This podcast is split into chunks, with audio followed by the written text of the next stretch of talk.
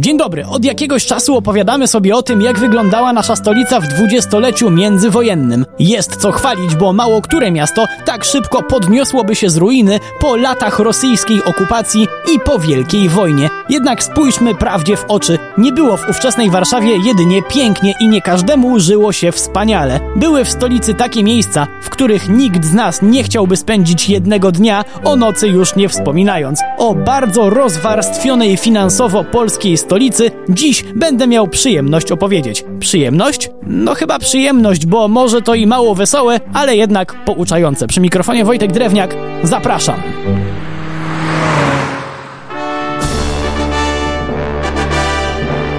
Ktoś, kto przyjechał do Warszawy w latach 30. XX wieku, miał się czym zachwycać. Nowe, szerokie ulice, a przy nich chociażby imponująca siedziba Towarzystwa Ubezpieczeniowego, która była pierwszym warszawskim wieżowcem. Całkiem zresztą imponującym 70 metrów wysokości, jak na tamte czasy, to było coś.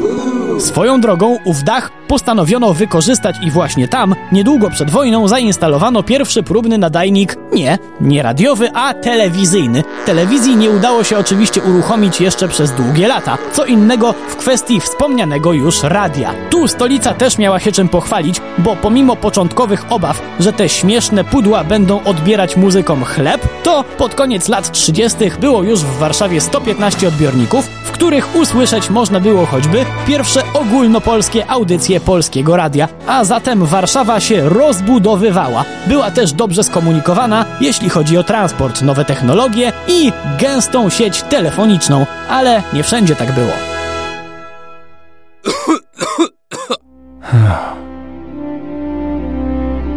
Bo wszystkie plusy dobrego życia w stolicy w pierwszej kolejności klasycznie dotykały najbogatszych. Elity, do których często zaliczali się niektórzy urzędnicy, korzystały z okazji, jakie dawało duże miasto i mnożyły swój majątek. Tymczasem w rozwijającym się mieście życie drożało. Czynsze nie były już takie łatwe do opłacenia, a najbiedniejsi z miesiąca na miesiąc popadali w większą nędzę. I może nie każdy uwierzy w to, co teraz powiem, ale przedwojenna Warszawa na swoich obrzeżach przypominała brazylijskie slumsy. A to dlatego, że ludzi osiedlających się tam w poszukiwaniu pracy często nie było stać nawet na małą chatkę, to też powstawały lepianki i szałasy robione z tego, co udało się znaleźć albo ukraść. To były straszne miejsca, w których lepiej było się nie zgubić.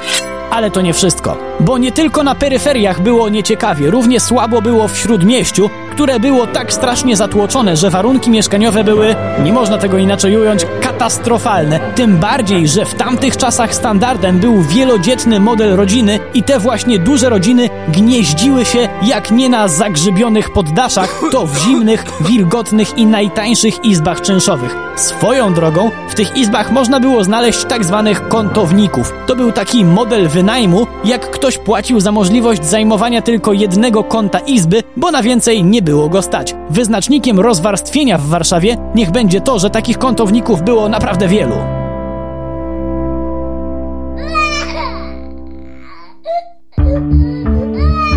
Jednak o ile ciężka sytuacja dorosłych to nic fajnego, to zawsze jeszcze smutniej mówi się o dzieciach w takich realiach. Ale nie wolno tego pominąć, bo to też był charakterystyczny obrazek dla gorszych dzielnic Warszawy dwudziestolecia międzywojennego. Ulice pełne brudnych dzieci w łachmanach, które nie chodziły do szkoły, za to często, żeby zdobyć coś do jedzenia, były skłonne robić rzeczy niezgodne z prawem i tylko po części mam tutaj niestety na myśli kradzież. Innym charakterystycznym obrazkiem były tak zwane bieda sklepy, czyli taka forma obnośnego handlu, za pomocą którego biedni ludzie próbowali zarobić na przetrwanie kolejnego dnia, jeśli nie chcieli żebrać. Sprzedawali resztki tego, co mieli, albo co udało im się nielegalnie zdobyć. To wszystko w otoczeniu smrodu i walących się ruder. Czy miasto, które kilka przecznic dalej zdumiewało nowoczesnymi rozwiązaniami, starało się jakoś pomóc?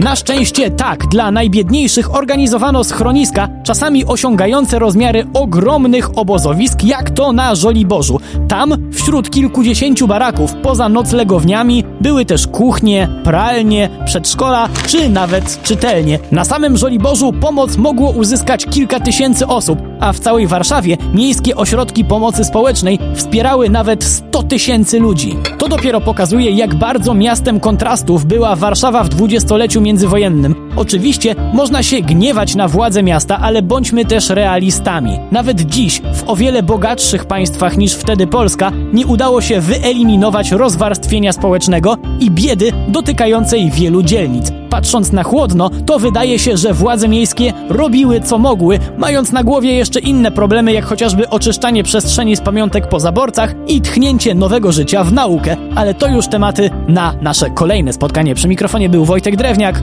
Do usłyszenia.